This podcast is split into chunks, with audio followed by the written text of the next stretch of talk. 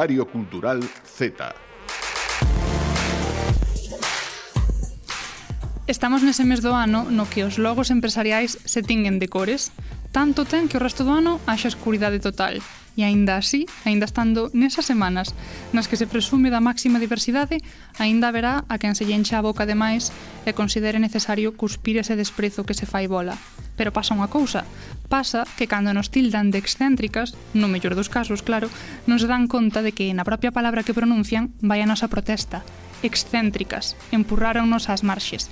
Tanto teimaron niso que agora aí hai outro epicentro. Benvidas a este Diario Cultural Z. A verdade é que iso das marxes tamén depende de como se queira mirar.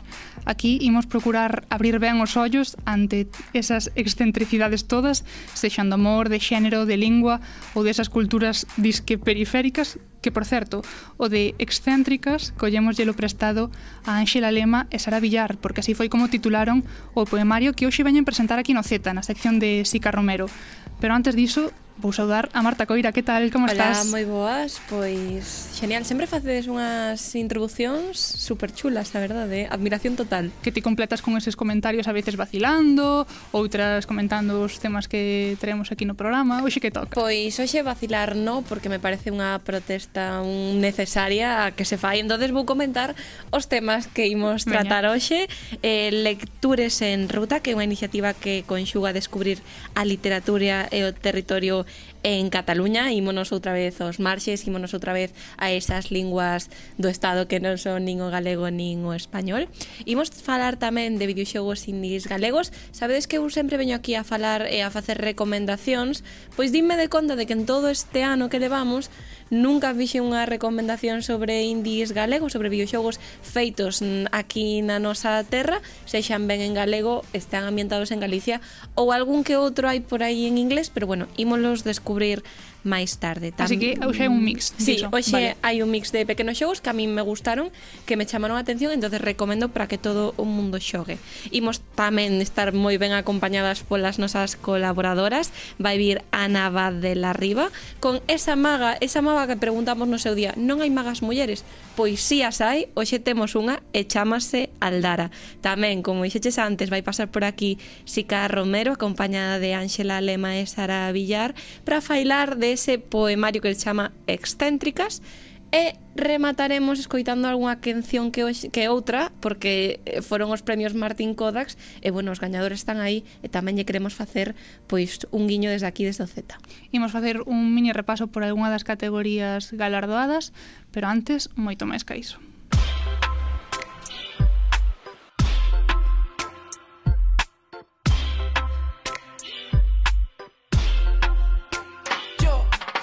Ens van prometre una ciudad estrellada, pero curro sin contrato 12 horas frente al mar, bronceada y cabreada. Sirvo birra a un alemán que me canta.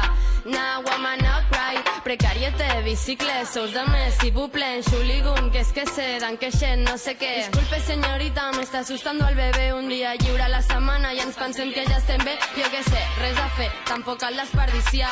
Sempre queden les bolleres que correm a l'Empordà i sí, sí que és blanca la violència salarial, que yo cobro más del doble que el compa del Senegal. ¿Quién está delante? ¿Quién está detrás? ¿Quién fríe patatas? ¿Quién sirve el agua con gas? Y no somos las mismas hermanas. Las del chiringuito y las del campo de manzana. Es que hoy a mi compañía le falla la cobertura, pero me da igual, no necesito eso. Ahora voy al bosque más profundo a que me dé la brisa. Mira, esta canción de Maio eh, fala tamén doutras marxes, as marxes de, pre, de da precariedade que tamén están aí e tamén nos afectan a moitas e moitos. E, de feito, eh, o disco de Maio no que se inclúe esta canción chamas así, desde as marxes. Así que moi acaído neste tempo no que quixemos cumprir cunha das promesas que nos fixemos aquí no Z ao inicio de tempada. Non queríamos que este programa mirase únicamente a cultura que se fai e que ocorre aquí en Galicia, tamén queríamos botar un pouco a vista cara fora, mirar que se está facendo, que está facendo a xente. Mm. Z en euskera, en catalán, en asturiano, niso que lle chaman tamén a periferia, non? Outra vez iso. Em, había xa algúns programas nos que non pegábamos ese chimpo lingüístico, así que hoxe toca Queremos coñecer unha iniciativa que se leva facendo xa dende hai uns seis anos en Cataluña que se chama Lecturas en Ruta e que, ademais, igual tamén é interesante para alguén daqui e senón xa veredes. Lecturas en Ruta ven sendo un proxecto pensado para que xente de entre 18 e 30 anos, si é esta edición, antes era entre 18 e 25, agora ampliaron un pouco ese marco, pois que pasen varias findes visitando diferentes lugares de Cataluña e mergullándose na literatura a través dese territorio que van descubrindo. Vaya, ven sendo como unha especie de campamento de verán pero para amantes da lectura. Ti imagina, Marta, o que sei, unha fin de en Catoira, outra en Cangas, outra en Porto Marín, todo isto a través de autoras e de libros ambientados neses espazos. Outra na Mariña Lucense, na Ribeira Sacra, será por sitios bonitos e eh, sitios con, con literatura, eh, sitios literarios aquí en Galicia. Podíase extrapolar esta iniciativa aquí, mm. podíase ampliar. É bonito deste proxecto que algunhas das persoas que empezaron como participantes nel pois acabaron pasando a organización, tanto se sentiron identificadas co proxecto e co iniciativa que quixeron estar dende a outra banda. É o caso de Ona Salvat, que agora traballa en Tramoia Cultura, logo de estar presente en varias edicións como participantes, Ela explicounos en catalán, iso sí, pero seguro que entendedes que hai isto de lecturas en ruta e dontounos un chisco da edición deste ano. Doncs el Lectures en Ruta és un programa de caps de setmana d'activitat literària, de descoberta i d'immersió literària per joves d'entre 18 i 30 anys, enguany, i se'n podran saber més coses a partir del 19 de juny aproximadament. Revelarem tots els indrets que visitarem, que ja podem avançar que són per, per tot Catalunya i també totes les iniciatives editorials, llibreries i professionals i fires i festivals que coneixerem i visitarem a la sisena edició. Enguany en Lectures en Ruta inclourà sobretot a professionals del sector, més que no pas autors, però també tindrem algun autor, també tindrem algun traductor molt jove, que això fa molta il·lusió, perquè volem això, aquest any volem visibilitzar tots els oficis del llibre i, òbviament, la gent jove que fa tot, tots els oficis del llibre. E pois toda a xente moza que, que traballa alrededor deses oficios do libro estará presentes neste Lecturas en Ruta 2023. Aí nos deixaba ona algunhas pistas sobre a edición deste ano para coñecer todos os detalles, aínda hai que esperar o 19 de xuño Aí irán publicando xa máis información, pero podedes buscalos nas súas redes, por exemplo, en Lecturas en Ruta. Así podedes atopalos no, no Instagram. O caso é que, Marta, nos preguntámoslle a Ona, así como que tira unha, unha pedra ao aire, a ver se canta o cuco ou non, se non habería por casualidade algunha persoa galega aí metida no allo. E bingo, tiña que haber un galego ou unha galega. De que parte de Galicia? Contame. É, é que, mira, non é unha persoa que nacera aquí en Galicia. Naceu mm. aló en Cataluña, participou en varias edicións desta iniciativa, pero é que media familia é daqui de Galicia, de Valga. Bueno, entramos en perigo en terreo perigoso eh, en Valga hai dúas persoas importantes ahora mismo unha é Michello e a outra é a nosa seguinte convidada entón, non? A nosa seguinte convidada que a máis fala un galego perfecto Hola Georgina, que tal? Ola, que tal? Georgina Hola. Giner, que é a nosa convidada neste Z, que di Marta que se sorprende con que sexas de medio de Valga porque ela de Catoira, non sabes? Entón, vaille un pouco preto a cousa. Por favor, dime que conoces Catoira, non me deixes así, Georgina. Sí, de feito, o meu, o meu sitio onde eu estou cando veño a Galicia é, é Dimo, que está en Catoira. Ai, non me fastidies que eres de Dimo, ves a Dimo, tes familia en Dimo. Teño familia en Dimo, é, é o meu sitio favorito, creo. Mira, pois a próxima vez que veñas eh, eh, intercambiamos teléfonos e fasme unha, fasme unha chamada e vémonos porque porque isto hai que unir fronteiras, é eh? que unha catalana eh, sexa de Valga e teña casa en Dimo ou sexa o seu sitio favorito, a verdade, é, da, é de agradecer, non? Eh, eu non sei se ti ala en, en, en Cataluña, comentas a, as amigas e os amigos pois estas zonas de Galicia como poden ser Valga e Catoira quizáis desconocidas para que non son dali. Sí, claro. Eh, de feito, que as miñas amigas estamos vendo de, de reunirnos, de pasar as vacacións. Eh, eu dixenlles como, buscade algunha cousa en Riancho que está como a medio camiño entre todas as, a, mm. a miña familia, porque a miña familia é moi extensa eh, estamos probando de, de pasar as vacacións xuntas. Estaría guai facer un lecturas en ruta para cataláns aquí en Galicia. Marta, deixote de encargada para guiarlos eh, por aí pola comarca. Sí, sí, eh? en Catoira seguro que hai moitos sitios ben interesantes. E, bueno, por Rianxo xa nin falamos que a metade dos grandes escritores e escritoras Correcto. son dali. Bueno, Georgina, ímolo falar, eh? Despois intercambiamos teléfonos e eh, eh, eh, isto queda aí, eh? Co dirixides, porque como Llorina xa estivo en varias edicións do Lecturas en Ruta original, pois pues dela xa sabe un pouco de que vai o tema. Contanos ti mesma, en que consiste este proxecto que facedes aí en Cataluña? Ti participaches en varias edicións, non? Hmm. Eu participei na primeira, que foi o 18, e logo no, no 21, pero para min, bueno, como o Old School 18 eh, foi moi diferente da, da 21, no? porque foi como case o piloto, no? Eh, bueno, consiste en, bueno, explicacheos moi ben, era pois ir eh, cinco findes, creo que eran, eh, por distintos como as distintas paisaxes de Cataluña, eu creo, no? como se.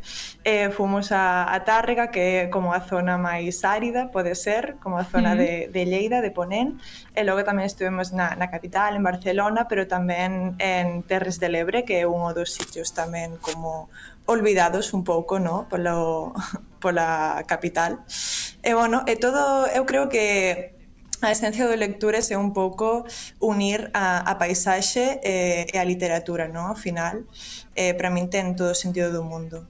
Eh, agora sei que é unha cousa máis... No, di, di. Nada, nada, iba a decir, ibades aí a todos estos sitios, ibades un día, ibades toda fin de... Eh, que facíades? Ibades visitando, abríades o libro, leíades, comentabades, ai, mira, estes sitios salen nesta, nesta aquí, contanos un, un pouquiño. Vale, sí, exactamente como te dis, eh, pode ser eh, toda unha finde ou solamente un día, depende do, do sitio, ¿no? Pero sí, en xeral eran como unas colonias mm. eh, para xente adulta, eh, xente moi friki da literatura. Mm, na miña edición, no 18, mm, non había ninguén que se dedicase ás letras. Éramos como distintas disciplinas eh, sencillamente era como, bueno, eh, frikis da literatura eh, que ten, tiñamos como ese ímpetu para non só ler, senón ler de forma como compartida e sobre todo como falar de, de literatura. Logo eh, coñecimos como de, desde autores ata pois editoras, etcétera, que tiñan distintas iniciativas, elas pois facíanos rutas polo, polo territorio e tamén incluso fu, um, fomos en kayak polo Ebro un eh, kayak literario, um, ollo Un kayak literario, sí, é que iso? de feito nesta edición, nesta edición creo que, que vais a repetir. Um, pois íamos con, cun instructor de kayak, pero é unha cousa moi fácil claro. polo Ebro. Mm. Sí, pero é moi fácil, vale? Porque xa é como a desembocadura todo ben. Eh, é unha, unha persoa que iba, iba lendo as, as como pasaxes da batalla do Ebro. Ah, no? que foi pois, no frente mm, durante a Guerra Civil moi, moi importante está eh, moi escrito non? Uh -huh. O guai desta iniciativa, ou polo que contas, é que convivides durante un tempo persoas cun interés común eh, a pesar de vir de ámbitos moi diferentes, porque dicías que non era de xente eh, que estaba estudando pois a mellor carreiras de letras ou materias de letras, uh -huh. senón que viñades de ámbitos diferentes, pero tiñades ese hobby en común que é a lectura. Entón, convivindo durante eses días e coñecendo a xente en persoa que se dedica a esas profesións, pois é outra maneira non de achegarse tanto aos lugares como aos libros. Completamente. De feito, para min foi como o recuperar a, a lectura e, e a literatura. Eh, eu apunteime porque botaba moito de menos as as clases de literatura catalana do, do instituto. Eh, porque eu eh, estudiei socioloxía e eh, había moita xente, pois eu que sei eh, fixen unha das miñas amigas daquela edición eh, e médica no, no día de, de hoy. Eh, e si éramos como persoas sencillamente como moi, moi, moi frikis da, da lectura e da literatura. Eh, sí, é que pode ser que os nosos, como os nosos amigos ou así non, non foron tanto, eh, e coñecémonos todos. Agora sí que é unha cousa como máis, no? como, como dicía Ona, como máis enfocada eh, aos oficios del libro, no? a, uh -huh máis como a xente que xa se dedica un pouco ou ten ambicións literarias ou ambicións de, de escribir, no? E a hora de, de facer todas estas viaxes estamos dicindo os lugares que percorredes que van en función dos libros que escolledes como escolledes esos libros? E, e va desa votación? Hai libros de agora, hai libros de antes hai para todos os gustos, non? Hmm. Eu, eh, nós tiñamos un, como unha guía unha guía que os, bueno, que íamos eh, que íamos tratar, ¿no? Eh, cada cada fin de e tiñamos como, bueno, ti podes pois lerlos, pero tamén podes non non ler os, os, os libros que che recomendan, non? Porque ten sentido igualmente o que ti faz. Eh, pode ser que, que faigas un, un taller de poesía, eh, pode ser que ti a poesía, pois, pues, bueno, pode ser que non che guste moito, pero ao final acabas entrando en, en todo, non? Mm. Outra cousa que me parece interesante do proxecto é que o feito de ir visitando diferentes lugares de Cataluña implica que se descentraliza un pouco, non? Esa oferta de actividade cultural que polo xeral queda como reducida as grandes cidades, neste caso a Barcelona. Entón, desa maneira, coñecedes outros lugares, outras vilas, e sobre iso falounos tamén Ona neste corte de audio. Jo sóc de Barcelona, llavors per mi l'experiència de poder sortir de Barcelona, descobrir iniciatives literàries que passen arreu del territori, adonar-te'n de la quantitat de coses xulíssimes que s'estan fent i que val la pena conèixer, i a més poder-les conèixer um, d'una manera molt personal, no? parlant directament amb la gent que les impulsa. Está ben, iso de sair tamén da cidade, coñecer o que pasa alrededor nesa periferia de lugares periféricos ou de culturas periféricas, como lle chaman. Ti tamén tes esa sensación, Georgina? Eh, sí, para min é unha cousa normal, porque eu non son de Barcelona, Barcelona. Mm. Eh, eu crecín unha aldea moi pequena eh, eh, preto de Tárrega, precisamente. Eh, logo, para min é normal que a vida exista máis alá de, de Barcelona, pero entendo que está moi centralizada eh, e, de feito, eh, coñecer toda a vida cultural que existe fora da, da capital literaria em, que pode ser que sexa unha cousa como máis competitiva ou máis mainstream, mm. etc. Coñecer como a creación eh, real fora da, fora da cidade eh, vale a pena. Mm, é importante tamén levar iso a outros lados, levar esa xente que igual non está feita a ver esa vida toda que, que hai máis alá de Barcelona ou de Girona ou de, de outras capitais de provincia, que ademais, por certo, non o comentamos, pero hai axudas económicas para asistir a esta especie de colonias para para xente adulta amante da lectura? Sí, de feito, a primeira, a primeira vez... Eh, vamos, a matrícula eh, agora non sei, pero é bastante barata para todo o que, o que é, no Logo, eh, a primeira edición eh, tiñemos como dúas ou tres becas do Servizo de Bibliotecas e eu, de feito, fun cunha beca. Eh, imagino, non? En plan, foron, pois, cinco findes como gratuitos, non? Eu pareceme que é unha da for, unha forma de em, da propa de acercar como a, a lectura sí. e literatura em, para para xente pois que non non temos como a facilidade e non estamos dentro deste mundo, non? Porque para min era era unha situación tamén como de democratización da cultura, non? Ao final porque pode ser tipo moi friki da lectura ou da literatura que é un vicio moi barato, de feito, se ti queres, no? pero logo entrar dentro do mundo que é literario, etcétera, tal tal, tamén é elitista, é un pouco clasista, logo. Adoita estar máis pechado, foi sí. moi importante. Hmm. Sí, sí, sí, foi. Eh, de feito tamén imos a, a Mallorca, eh, todos os cantes, eh, non o diré, pero eh, de todos os países cataláns o temos a ambición ao final. Iso está ben. Eh, estaba pensando que, se cadra, hai algún galego algún galega que nos está escoitando dende Cataluña, que está estudando ali ou vivindo por algún por algunha razón deses que tivemos, Marta, mm. na nosa sección de máis al lado Padornelo, ti dirías, Georgina, que tamén para esa xente que non é catalá de nacemento é interesante participar nun proxecto como este? A recomendarías yo? Sí, totalmente.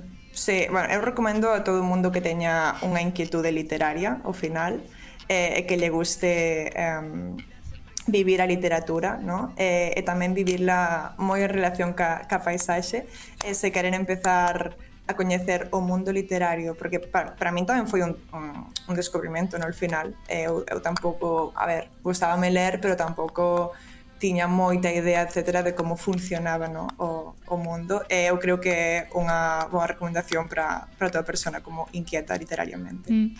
Pois de recomendacións tamén lle preguntamos a Ona Salvat de Tramoia Cultura quixemos pedirlle que nos propuxese algunha autora ou autor ou algún libro en catalán para estas persoas que queremos aprender esta lingua. Si sou galecs, que entengués la situació i, i voleu llegir en català, crec que, que l'Eva Baltasar té tres novel·les que es diuen Parnagel, Mamut i Boulder, que a parer meu són molt bones. A mi la que més m'agrada és Boulder, que va, ser, va estar a la shortlist del Man Booker Internacional. I jo recomanaria Boulder. Crec que la llengua de Baltasar és molt, molt única i molt treballada i alhora té un punt senzill que pot ajudar si ets un aprenent a l'hora de llegir-la. Jo la recomano, però com ella, moltíssims autors i autores joves en català que valen molt la pena. Así que, Ona, dinos que Boulder de Eva Baltasar pode ser unha boa opción. Se ti queres engadir algunha máis, Georgina? Eh, eh eu ia recomendar exactamente o mesmo. De feito, eu busquei eh, que libros de Eva Baltasar estaban... Eh, a ver, é un fenómeno, é un fenómeno. O sea, vale, fostes ao seguro, entón. Man, no, no, seguro, es que das miñas obras favoritas no mundo, de feito Boulder é unha das miñas favoritas, pero per, Permagel, que é Permaxeo, creo, en, mm. en galego, está eh, traducido. Vale. Así que se quere, pero bueno, eh, de, de poesía vou recomendar se queren adentrarse na, na poesía, eh, Mireia Calafell, uh -huh. calquer poemario, pero o último especialmente, se, se queren como adentrarse na, na poesía directamente. Pois pues queda anotado. Eh? Anotamos e non te imos deixar ir, Georgina, sabendo a túa conexión con Galicia, sabendo a túa conexión tan importante con Valga e con Catoira, que te vayas daqui sen, sen unha pequena proposta destas lectures en ruta, pero pola nosa zona ou quizáis por outras partes de Galicia que a ti che gusten. Tes algo en mente? Poñemos en compromiso. Non, a ver, eh, eu fixen a, a unha parte da ruta rosaliana no seu mm -hmm. momento eh, porque tamén teño pois familia en, en Padrón eh, en familia no, en toda Galicia todos lados, a verdad sí, é que, é que os galegos temos bueno, estamos en todas partes Logo, eh, unha ruta de Rosalía de Castro solamente como a Casa Rosalía eh, por Padrón un, un clásico eh, un planazo que facer Outra proposta sí. sería xa conxugar literatura galega e catalá en dobre ruta. Queda xa para a próxima. Vamos. Georgina Giner, moitísimas grazas por falarnos de Lecturas en Ruta, por falarnos da túa vida e toda a túa familia que estás por aí espallada por Galicia adiante e además por facelo en galego. Moitísimas grazas. A vos, moi contenta. Diario Cultural Z. Cumbia.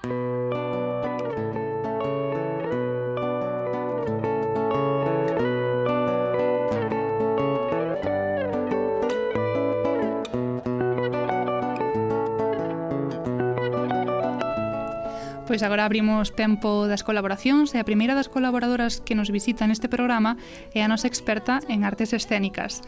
Ana de la Riva, que tal, como estás?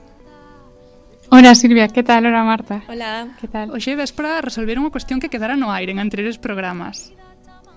Sí, collín o, o fío da, da sección pasada porque me parecía importante facelo e seguimos tendo unha sección máxica No, no programa anterior falábamos con Dani Polo e con Pedro Bugarín sobre o Festival Galicia Ilusiona, sobre esa segunda edición que, que volve este ano a percorrer Galicia. Eh, comentábamos tamén a forte presenza que había de novos talentos no mundo da masia aquí en Galicia, E hoxe non podíamos facer outra cousa que achegarnos a un deses novos nomes, pero tamén había outra cousa pendente, como dicía uh -huh. Silvia, que Marta, ti outro día uh -huh. comentabas, non, que non coñecías magas. Eh, casi, eh, ahora unha, Eze. porque atraes ti, sí. pero pouco máis. Pois por iso dicen é que é verdade, porque hai moi poca, hai poucas magas, pero que tamén é importante, sabes, que se lles dean a coñecer porque cada vez está vendo máis, máis magas. Eh, nunha profesión que tradicionalmente pois era eh, sobre todo masculina, pois pues, cada vez está vendo máis magas que están facendo cousas moi interesantes. Eh, tamén aprendices de magas que mm, rapazas que queren pois pues, comezar neste mundo e que están a facer tamén pois, como dicíamos, cousas moi interesantes. E Mm, neste caso está a Magaldara, que comentábamos outro día o, o seu caso, E, e falamos con ela neste programa, ela é de Gomesende, está agora a estudar tamén o segundo ano de, de escenografía na Sa de Galicia, está a rematar o segundo curso, e os seus ratos libres os, os dedica a Masia mentres segue pois, a, a formarse neste campo porque é a súa gran paixón. E ela contanos que tamén parece moi interesante como é que comezou no, no mundo do ilusionismo. Dende pequena sempre me gustou moito a maxia. Iba a todos os shows que, que podía. Un día saliu no, na tele un programa chamado Pura Magia que me gustaba moito e pouco despois xa organizouse en Ames no Festival Internacional de Maxia unha gala na que foron os magos dese programa e aí coñecín a algúns deles. E a partir dese, dese momento a máis empezoume a gustar cada vez máis. Ademais, nese programa participaba Dani Polo, que foi un dos meus primeiros referentes. Máis tarde, dixenlle ao Mago Cali que me ensinara un pouco de maxia. Ensinándolle, ensinándolle, Pronto. agora xa é toda unha maga. Sí, sí, sí, sí, fui aprendo así e ademais fui na pandemia, como nos pasou a moitas que na pandemia pois dedicamos o tempo a, a afondar noutras especialidades ou a buscar como eh, desenvolver proxectos, non? Porque tiñamos moito tempo. eh, ela empezou a formarse dunha maneira eh, máis sólida a través de clases e tamén de seguir a, as súas e os seus referentes, que no campo da masia é moi importante, especialmente non o feito de seguir referentes que para Aldara, por exemplo, puso unha fonte de, de inspiración. Durante a pandemia, vin a David Maestro por redes sociais que quería dar clases de, de maxia. Eu puxeme en contacto con el e a través de, de videoconferencia tiven as miñas primeiras clases de maxia. A verdade é que, que David Maestro sempre será o meu mestre. Penso que é moi difícil escoller un só referente, pero quero mencionar a magas como Dania Díaz e Giselle, e a Sara, que Sara é unha maga de, de Vigo e tamén a esponxismaxa de, de Xulio Merino e a un mago moi clásico que é Juan Tamariz. E sempre que vou a algunha gala atópome con novos magos que me inspiran moito. Xa van saindo por aí máis nomes. Dania Díaz, Giselle e Sara de Vigo aquí as teño anotadas para botarlle unha ollada porque temos que fixarnos nas magas mulleres nun mundo moi masculinizado. Ademais, Dania Díaz estivo ano pasado en Galicia Ilusiona, este ano pode que vuelva a aparecer por aí, pensamos que se está, vale, vale. está cocendo aí o, a nova edición. Eh, e Sara tamén, que, que é unha maga de, de Vigo, que tamén está a facer cosas moi interesantes. Eh, e dentro do ilusionismo, Aldara ten as súas preferencias e canta especialidades, aínda que elas, eh, como dicíamos, eh, segue a formar, eh, sigue a investigar alrededor de novos formatos e, e elementos. Actualmente gustame moito a maxia de escena, pero tamén me gustaría aprender un pouco máis de, de cartomaxia. E máis de cerca tamén. O meu elemento característico son os aros porque cando os estou manexando síntome eu mesma. Moi importante iso de sentirse unha mesma en escena e cando estás facendo un espectáculo, claro. Sí, atopar como, como a, a esencia, non? Aquilo que, que fai que, que o que dis, que, que, que brilles, non? E que, e que amoses a túa esencia e iso é algo que, que a ela lle lle axudou moito tamén o feito de irse expoñendo a, a novos públicos, uh -huh. a, no, a, a novos retos, non? O ano pasado, en outono, fixo a súa primeira actuación en nun auditorio, aínda que xa dendo, dendo verán, eh, ela estivera tamén a mover polas festas unha peza, un espectáculo que creara coa súa parella, Álvaro, que tamén é mago. Así que tamén hai novas sinerxías que, que surdiron, non? Que o mago Alberto. O primeiro espectáculo que fixe nun escenario foi nunha gala de xovenes talentos no Festival Internacional de Ames, organizado por Dani Polo, que foi unha gran oportunidade que, que me deu. Ademais, xunto coa miña parella Álvaro, temos un show que se chama Aprendices Máxicos. Empezamos o verán pasado, e este verán faremos algún máis. Vai, hai que estar pendentes entón. Sí, imos dar máis datos sobre estes aprendices máxicos, pero antes eh, facer un pouco fincapé porque ás veces eh, unha actuación ou un, unha oportunidade non pois abre moitas portas, non? Aínda que parece que, que non ter esa oportunidade era esta moi agradecida, non? A esa, a esa gala de novos talentos que, que se celebrou dentro do Festival Internacional de Masia de Ames, o Festimax, que se celebrou en, como dicíamos antes, en outubro do ano pasado, estiveron xunto con Aldara, Álvaro tamén, Magic Mateo, que comentábamos outro uh -huh. día todos estes nomes, o Mago Iago, el Gran Na. Eh, para ela non só foi unha oportunidade de amosar o seu traballo, senón de era reforzar a súa vontade de, de seguir dedicándose a, a Masia. O Festival de Ames foi unha gran oportunidade para min porque nunca antes actuara como maga nun auditorio e así deume unha nova visión. E eu fun varias veces a, a ese festival e como, como espectadora a ver os meus magos favoritos.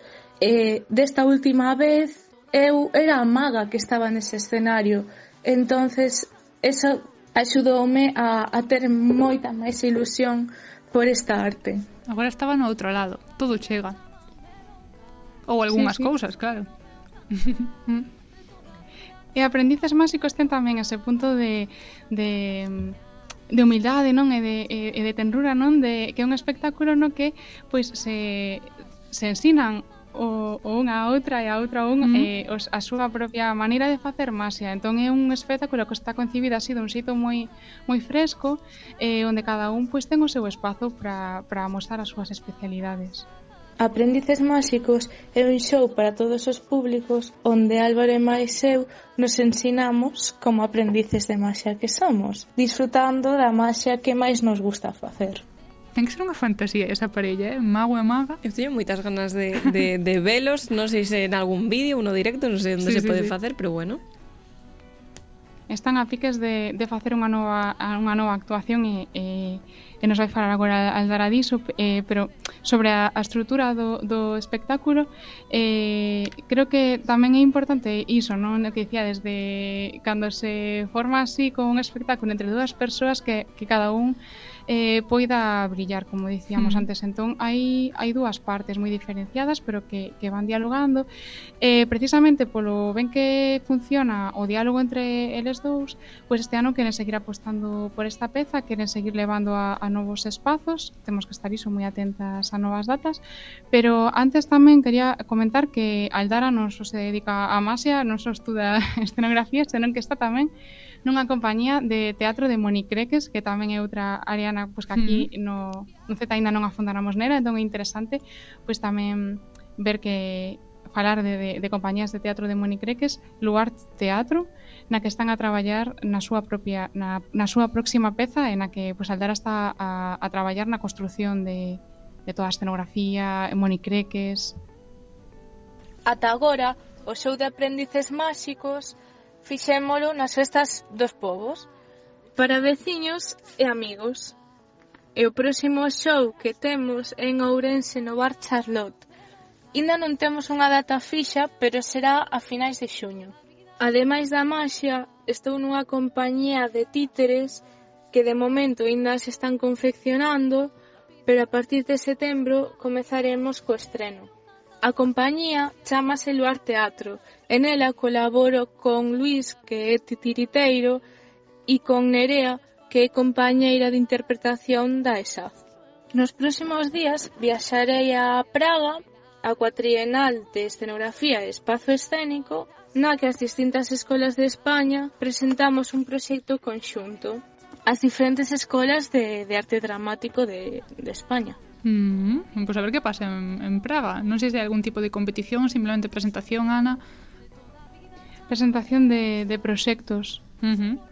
Eh, e, eh, e despois, ademais de todos os proxectos que fai moitísimas cousas, a Aldara, non, que está aí desenvolvendo todo isto, ela está moi centrada en, en rematar os seus estudos de escenografía, pero eh, estábamos a falar da Masia porque esa é a súa, a súa gran paixón e ela vai seguir formándose para seguir creando espectáculos. Non sei moi ben o que teño pensado facer no futuro. O que si teño claro antes de nada é acabar os meus estudos de escenografía e despois facer estudos relacionados co, co mundo audiovisual. Paralelamente a iso, quero continuar coa maxia para no futuro poder facer eh, shows de maneira máis profesional xa que en Galicia non hai moitas magas, e penso que é importante darnos máis visibilidade. Outra cousa que tamén quero mencionar é que a maxia tamén é unha arte escénica, a pesar de que moitas veces non é considerada como tal. Aí está a reivindicación, que Tiana xa mm, te adiantaches no último programa cando falaches tamén de, de espectáculos de maxia como Galicia Ilusión, así que moi ben, moi ben.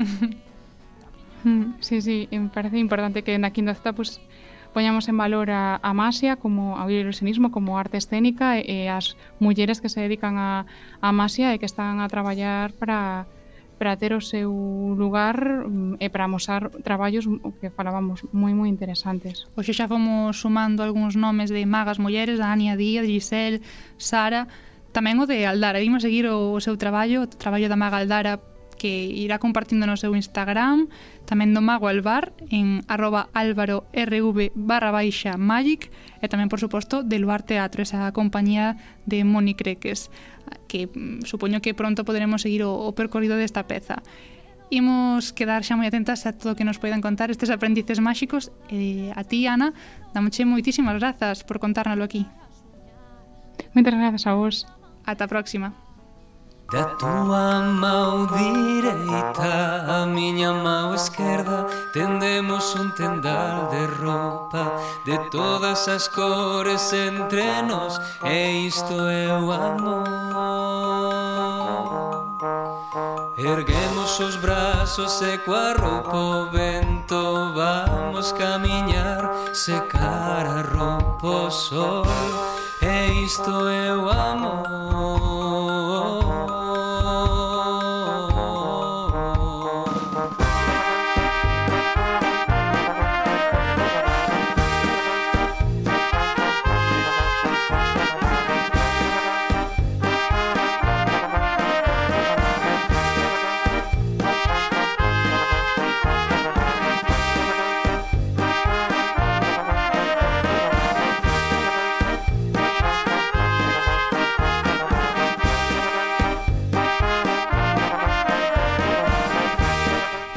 Pois despois de falar de amores máxicos como o de Aldara e Álvaro, agora toca falar de amores excéntricos como a deses que falábamos ao inicio do programa, agora a través da literatura. Xa está por aquí, Sica Romero, que tal?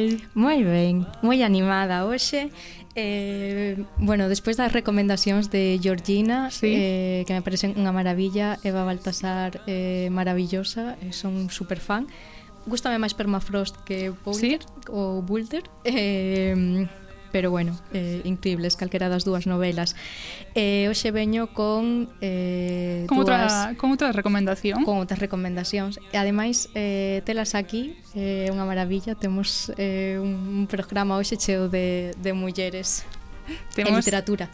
temos a Ángela Lema e Sara Villar que segundo entraron pola porta sentaron no estudo escoitando esta canción dixeron moitas grazas por poñela que tal? Hola, Hola que tal? Esta da canción é cousa de sica, eh? Sí, sí, outra petición especial como me fan caso unha vez pois despois dixo veña, eh, aquí xa sí.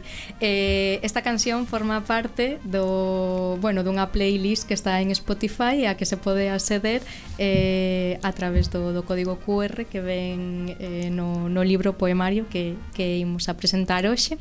Eh, lembraredes que o último día estiven aquí con Ne para mm -hmm. conversar con Elu sobre dúas publicacións, pois hoxe veño con eh, unha publicación a catro mans e dúas excéntricas, que son Ángela Lema e, e Sara Villar. Eh, a min gustaríame eh, empezar preguntando vos que significado ten eh, ese excéntricas para vos o título, porque de alguna maneira é como que xa vos eh, asimilamos, non? Con, con ese nome, eh, eu hoxe comentelle a unhas amigas que viña cas excéntricas e sabían quen, sabían quen era. Sabían perfectamente. Sabían que era Ángela e Sara. vale. excéntricas co, co guión, eh? non de unhas excéntricas. bueno, pero mola xojar, mola sí. xojar cas dúas cousas, non? Sí, sí. Pois pues, Bueno, moitísimas grazas pola, polo recibimento, pola presentación. Eu agora mesmo estou un pouco abrumada con que xa se nos coñeza así. Que fantasía, eh? que divertido. maravilloso. Sí, sí, sí. Eh, pois precisamente no título, no que acabas de dicir, no guión, creo que está a clave é o xogo de, de sair do centro e de abandonar un centro conscientemente, conscientemente porque non nos representa. Sí, ou seja, eh, cando estábamos aí eh, decidindo o título do, do libro foi como... O sea, en realidad é un xojo, non? Con esa excentricidade, con ese, bueno, incluso mamarracheo, non? E eh, con... Eh, Tolería. Eh, tolería, con esa festa, que tamén hai moito de festa, de alegría, non? Eh, eh, no libro ou, ou iso quixemos transmitir, eh, e eh, eh, como levamos todo iso fora do centro, non? Fora, fora da norma e, e fora de todo que nos ata e que non nos gusta nada. Porque como xurde este proxecto de como vos xuntades, como é que facedes entre dúas eh, un libro eh, de cal é a orixe? Pois esta historia sempre contamos nas presentacións porque é un pouco así como a vida, pasou por por por que tiña que pasar. Eh, creo que non nos demos de conta de que era un libro ata que ata que o tivemos xa editado. Eh, nos empezamos a escribirnos por, bueno, a mandarnos textos que nos escri que escribíamos por por correo electrónico.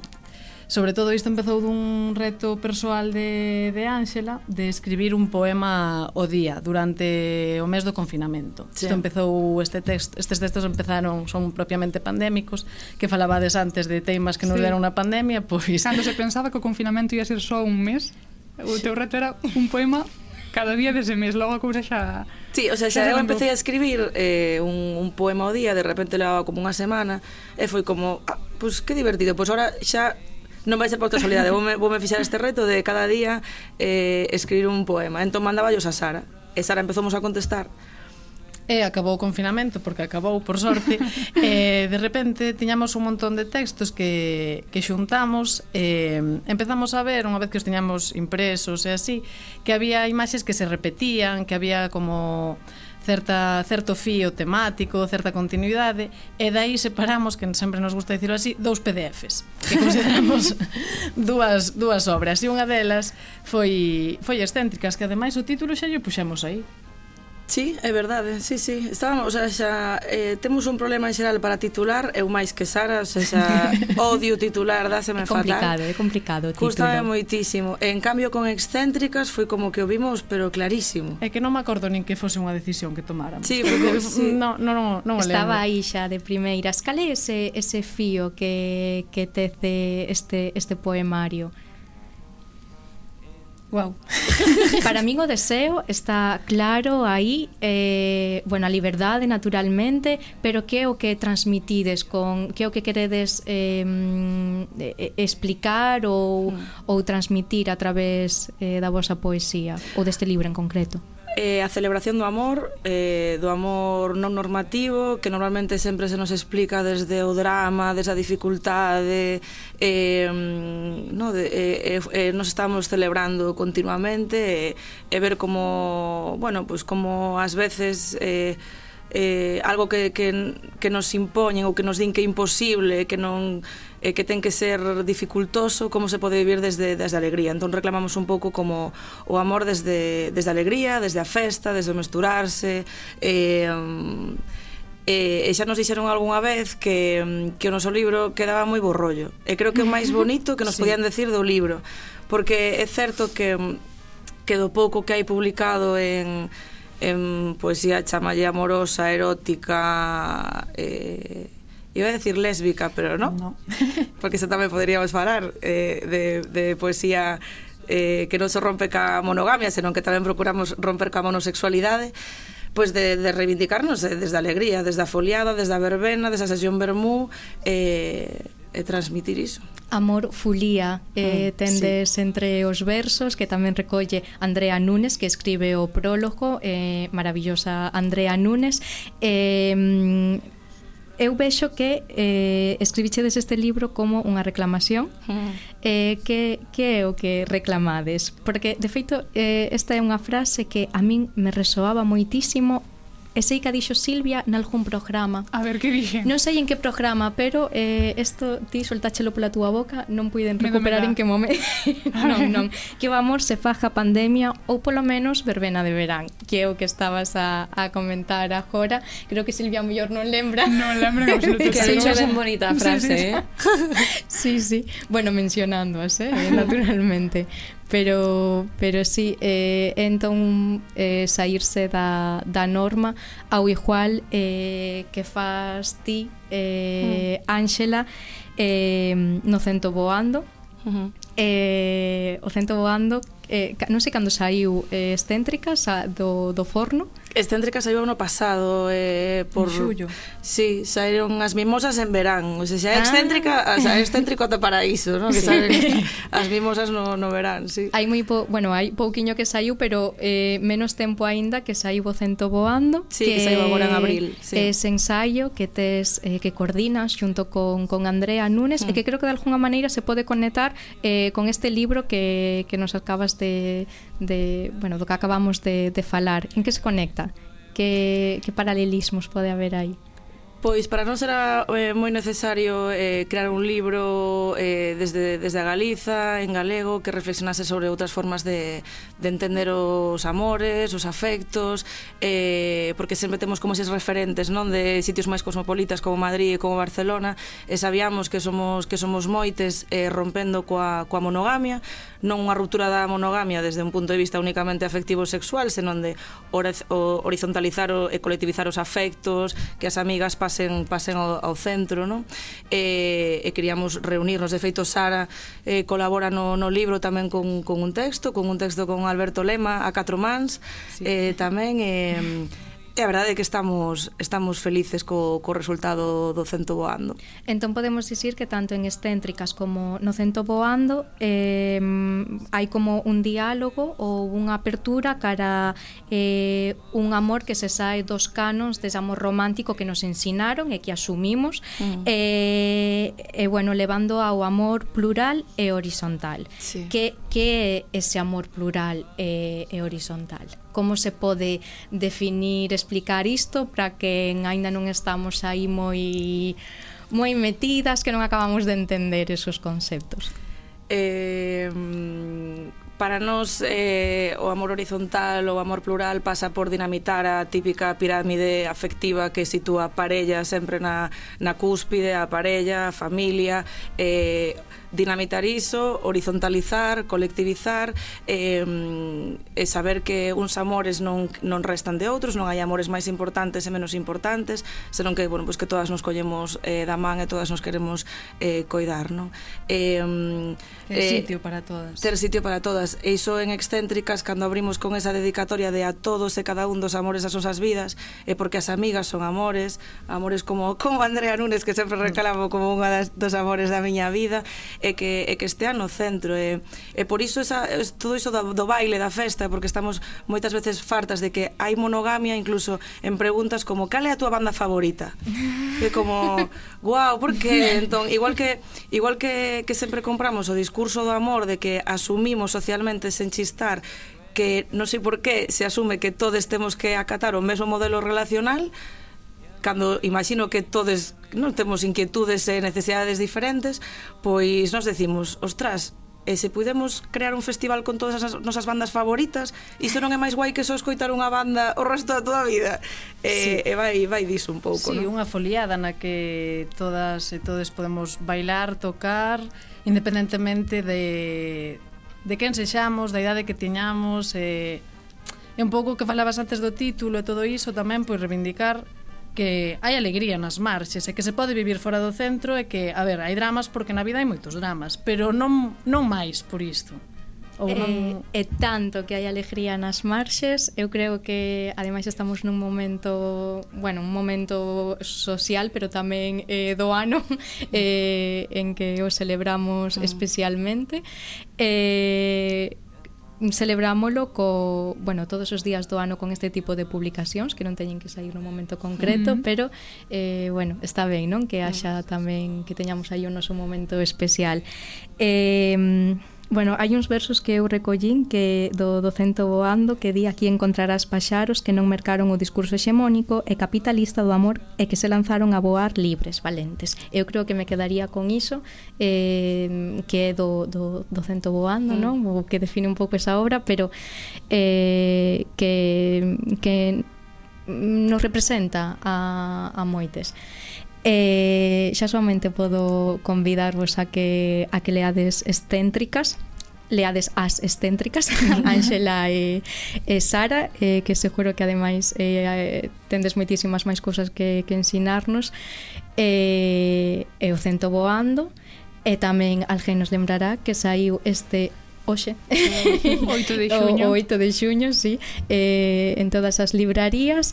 Eh, e bueno, xa que estábamos, a Eva Baltasar, con Permafrost, mm. eh, Máis cousas. A segunda publicación de Néspera Editora, mm. que se me acaba de vir a cabeza, que un poemario eh, escrito por Ángel Suances coas fotografías de, eh, de Breixo Parcero, eh, que falan tamén de universais que nos representan e que nos fan sentir que esas cousas que sentimos non somos as únicas en sentilas. Eh, con isto xa creo que me... Que, que estás chegei, que emocionada. Sí, que chegei ao cume. Ahora que estamos emocionadas recomendando cousas, eu quero que as nosas convidadas veña, se unan ao carro, recomendádenos tamén lecturas que vos identifiquen, que simplemente vos gusten. Non digo unha, monogamia no as que querades. sí, pero neste caso, pois non é máis difícil, que hai que pensar máis. Pois entón, di unha, non pasa nada, non pasa nada. Pois eu, sendo plenamente, o sea, completamente sincera, lin onte eh, Baliza de ah. Bea Sayans que eh, estivo aquí hai moi pouquiño e namorei namorei moitísimo eh, eh feitas o Sisel, feitas o Sisel. de Diana Kuric que que son unha xoia pois iso para a parte amantes da música e do baile tradicional eh, bueno, para todas pero sí. pero máis aínda eh, é maravilloso maravilloso mm. último eh, foi o último premio de poesía erótica e así sargas sí. e e o que está facendo Diana nas presentacións e todo é... Tivo unha presentación hai pouquiño na Lila de Lilita sí, sí. aquí en Santiago e coido que nas festas de San Pedro vai a o espectáculo sí. con poema, baile, sí. música sí. así que aí quedo tamén a recomendación para ese evento que é no mes de xuño, non? As festas de San Pedro? Si, sí, o 28, o 28 cando presenta Diana, que claro. o saiba, sí. Anda, 28 de xuño. na Lila. Non, na Lila non. foi ah, no 28 vale, verdades. na, no marco das festas de San Pedro vai vai presentar Diana. Que ben. Aí iso non se pode faltar. Creo que non é de perder, eh. Sí. Pois un feixe de recomendacións as que nos trouxeron aquí Sica Romero, moitas gracias. Moitas gracias. E as nosas vos. convidadas, as excéntricas Sara Villar e Ángela Lema. Moitas grazas. A vos, a vos. prazer. Diario Cultural Z.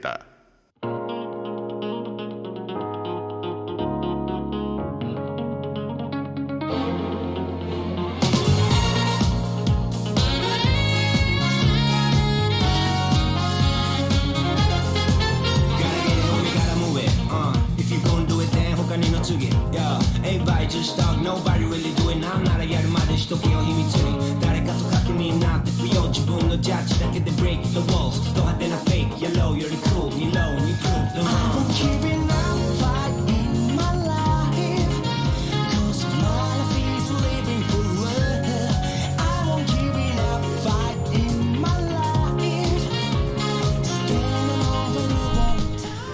tempo de videoxogos agora coa promesa de centrarnos en videoxogos galegos indies. En videoxogos galegos indies, indies porque hai moita industria, pero é unha industria que, que sigue estando ás marxes, non? Agora que falamos tanto de non estar no centro. Entonces eu aquí eh, sí que me estuve centrando durante a temporada pois títulos que todo o mundo coñece, títulos que nos gustaban sobre todo a Lucía a min, o Zelda, Pokémon. Por algún motivo escribes claro, medias, eh, bueno. Silvia, todos sabemos que non é o teu forte, pero espero que con estas recomendacións que trai hoxe te animes.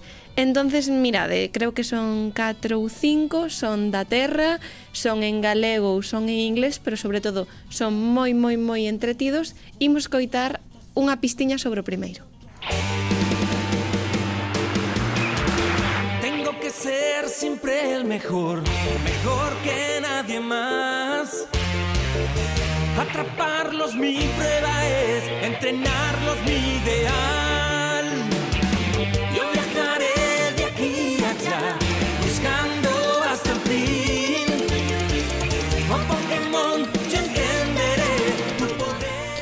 Pokémon, imos falar de Pokémon, pero dixen que en Galicia porque podemos percorrer Galicia e facernos con todos os Pokémon gracias a este xogo que vos traio que se chama Pokémon Galicia, a ver o título non é moi original, pero sí que é moi descriptivo, claro. moi significativo.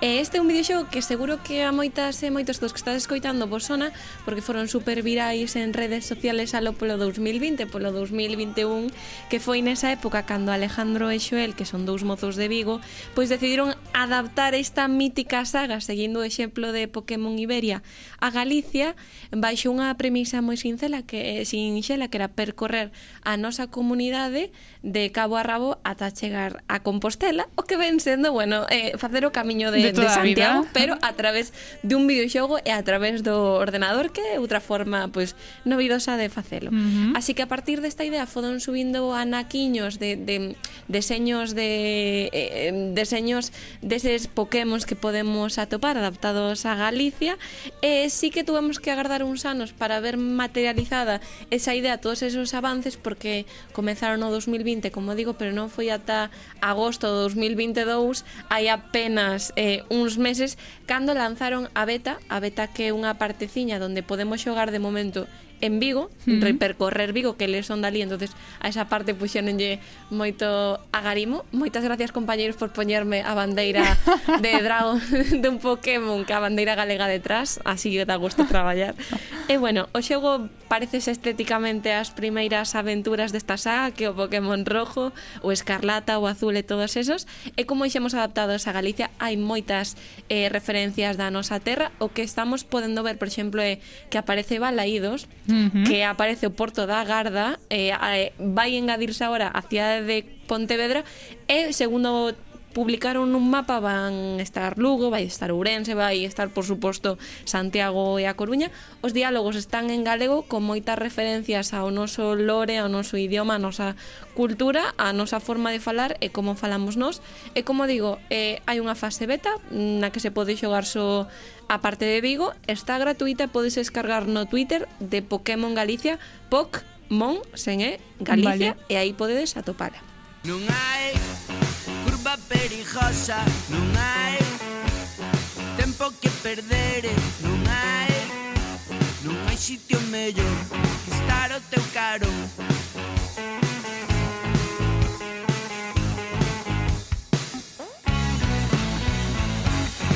Non hai. Tempo que perder non hai. Curva perigosa. Non hai curva perigosa, non hai tempo que perder. Xa che sona, non, é que esta isto canción? Veme como que escoitamos hai pouco, non? Si, sí, escoitámola no programa anterior, coñecedela, pero bueno, eu quero facer fincape porque a verdade é que tuve unha oportunidade de xogala e me parece unha aventura maravillosa. Para quen non escoitara o anterior, que están tardando, bueno, pois pues decirles eh? que o seu autor estivo connosco, chamase Carlos Dorado, é a persona que hai detrás de Caramelo con Q e, e videoxogos, e o xogo este eh, chamase Grand Prix Turbotalina, é un xogo xogo de carreiras creado precisamente para acompañar esta canción que estamos a escoitar Costa Baixo. Non tes por que é mellor para Foron os propios Terbutalina que estuveron esta maravillosa idea e dixeron, oye Carlos, fainos un videoxogo para acompañar a, a canción e mira, imos te dar as instruccións, ten que ser un videoxogo sobre as carrilanas de Esteiro, que é de donde, de donde somos Como nos. premisa, claro, guai. Iso foi, un videoxogo das carrilanas de Esteiro. Entonces, que nos podemos atoparnos? Pois iso, que temos que ir subidos nunha carrilana baixando a, a todo Filispín, como din en Ferrol, unha costa e intentando non chocar cos obstáculos que hai polo medio e intentando, moi importante, recoller filloas, como unhas filloas aí que hai deseñadas e dibuixadas. outro día, Carlos, non como xa me compraba. Claro, non nos dou tempo a, a comentalo todo, pero bueno, que sí que hai unhas filloas que despois nos van servir para comprar certas cousas nunha tenda que hai. Ajá. Así a simple vista parece moi moi moi fácil, pero é que non, non, xa vos lo digo eu que estuve unha media hora outro día intentando chegar ao final e percorrín eh, eh, cinco metros se, se tal. A ver, eh, tamén vos quero contar que eso, menudo xogo, pois podes ir a facer as carreiras, pero tamén che dá acceso a unha tenda onde podes mercar deseños de carrilanas, vidas extra, que isto é moi necesario xa vola adiante, ou metros de, de, de carreteira para intentar chegar antes á meta, e hai moitos ter ex, eh, estamos escoitando a Terbutalina, e eh, o cantante da banda é, eh, é quen narra as carreiras e os corredores que guiamos nos son outros membros do, do propio grupo. En total, creo recordar que hai 10 referencias, ou iso afirma Carlos Dorado, tampouco está moi seguro, porque non sabe xa o que incluiu ou deixou de incluir, pero bueno, que imos estar moi atentos a ver se conseguimos atopalas todas. Está íntegramente en galego este xogo e podémolo atopar tamén gratuito na páxina web de Caramelo, que caramelo con Q a melu punto it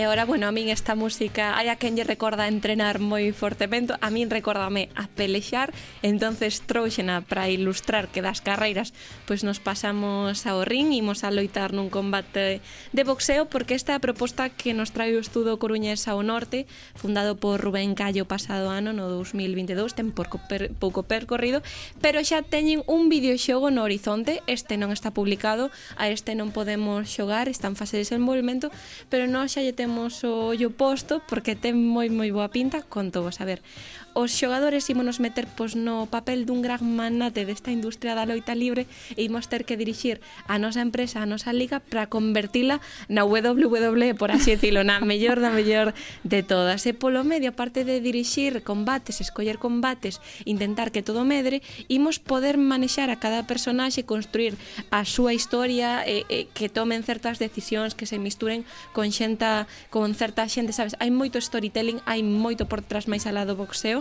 eh, imos poder eh, eh, manexalos no ring loitando, imos poder escollerlle peleas, eh, eh, eh, precisamente isto indicase no seu eh, deseño, porque trailer non hai, onde podemos ver bar, varias barras eh, que indican vida, necesidades, así como nos Sims, non? É algo así como nos vale. Sims, pero no, no ring de, de boxeo, e eh, cada vez que os xogadores cheguen a ter certos niveis, pois van ir subindo a, a súa categoría. Estamos, a verdade, devecendo por conocer esta iniciativa, porque a verdade os gráficos son super chulos o, o a arte que presenta é tamén moi guai, está moi ben deseñado, dá gusto velo. Iso si, sí, o xogo, a ver, temos que controlar un pouco de inglés ou podemos aprender con el porque, Este non está en galego. Claro, logo. este non está vale. en galego, é feito en Galicia, pero está en inglés. Se queredes botarlle unha ollada porque xogar xa vos digo que non podedes, podedes facelo en wrestlingstory.car.co ou se non poñedes wrestling story, que e así punto. en inglés é punto que vos vai aparecer. Música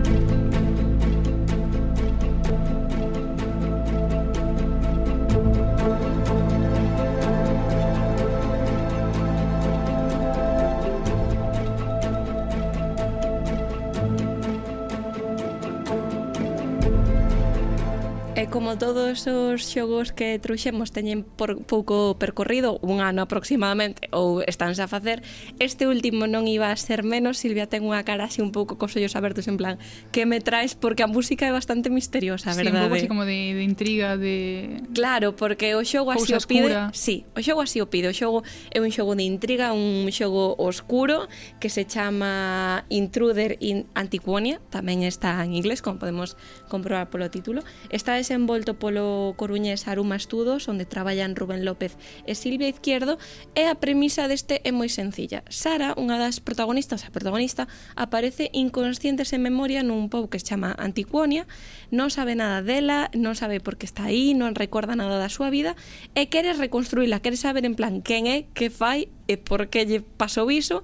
E nós os xogadores, bueno, pois temola que ir axudando, superando unha serie de puzzles, imos ter que falar ca xente da, da vila, imos ter que resolver, imos ter que, que explorar toda a ambientación e todos os lugares que hai para ir atando cabos. A ambientación, o xogo está en inglés, sí, pero a ambientación está baseada en Galicia. Os propios autores dixeron nunha entrevista que, que nesas pequelas vida, eh, vilas que existen no noso territorio, e, bueno, incluen escenarios de todo tipo. Hai un ambulatorio, hai monumentos, hai bosques, de todo. Unha aventura gráfica en dous de verdade moi chula que podemos descargar en Steam, eh, está disponible para Windows, para Mac e para Linux Iso sí, Este non é gratis, é de pago, pero aínda así merece a pena. Bueno, dous de balde que están xa disponibles, un aínda non disponible, pero xa podemos ver algunhas pistas do que vai ser, e este sí que sí que é de pago, pero hai aquí un pouco de variedade. Temos o Pokémon Galicia, Grand Prix Turbo Talina, Wrestling Story e Intruder en Antiquania, non? Para todos os gustos e eh, para todos os momentos. Algúns son moito máis curtos que outros e eh, algúns teñen moita máis historia que outros para escoller. Pois hai que apoiar aí o deseño de videoxogos en galego ou feito por xente de Galicia. Efectivamente, para iso estamos e que sigan construindo máis que pasiño a pasiño se fai unha gran industria, que é o que queremos. Iso é, moitas grazas, Marta. E agora, antes de pechar, imos escoitar unha versión dunha canción que se cadra nunca escoitastes deste xeito.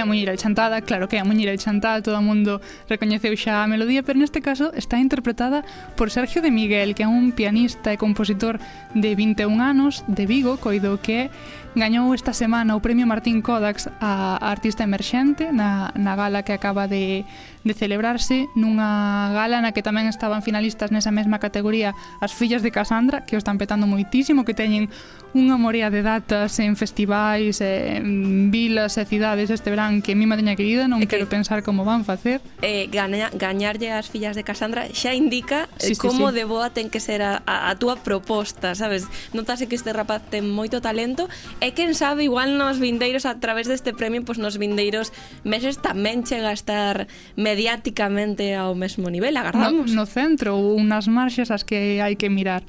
E o seu proxecto, por certo, chamase Atlántida, así é como se chama o disco que publicou hai pouquiño e co que se fixo con este premio Martín Kodax como artista emerxente, mm, no que estaban tamén finalistas Fillas de Casandra, como dicimos, e tamén Lontreira. Imos escoitar unha naquiña máis.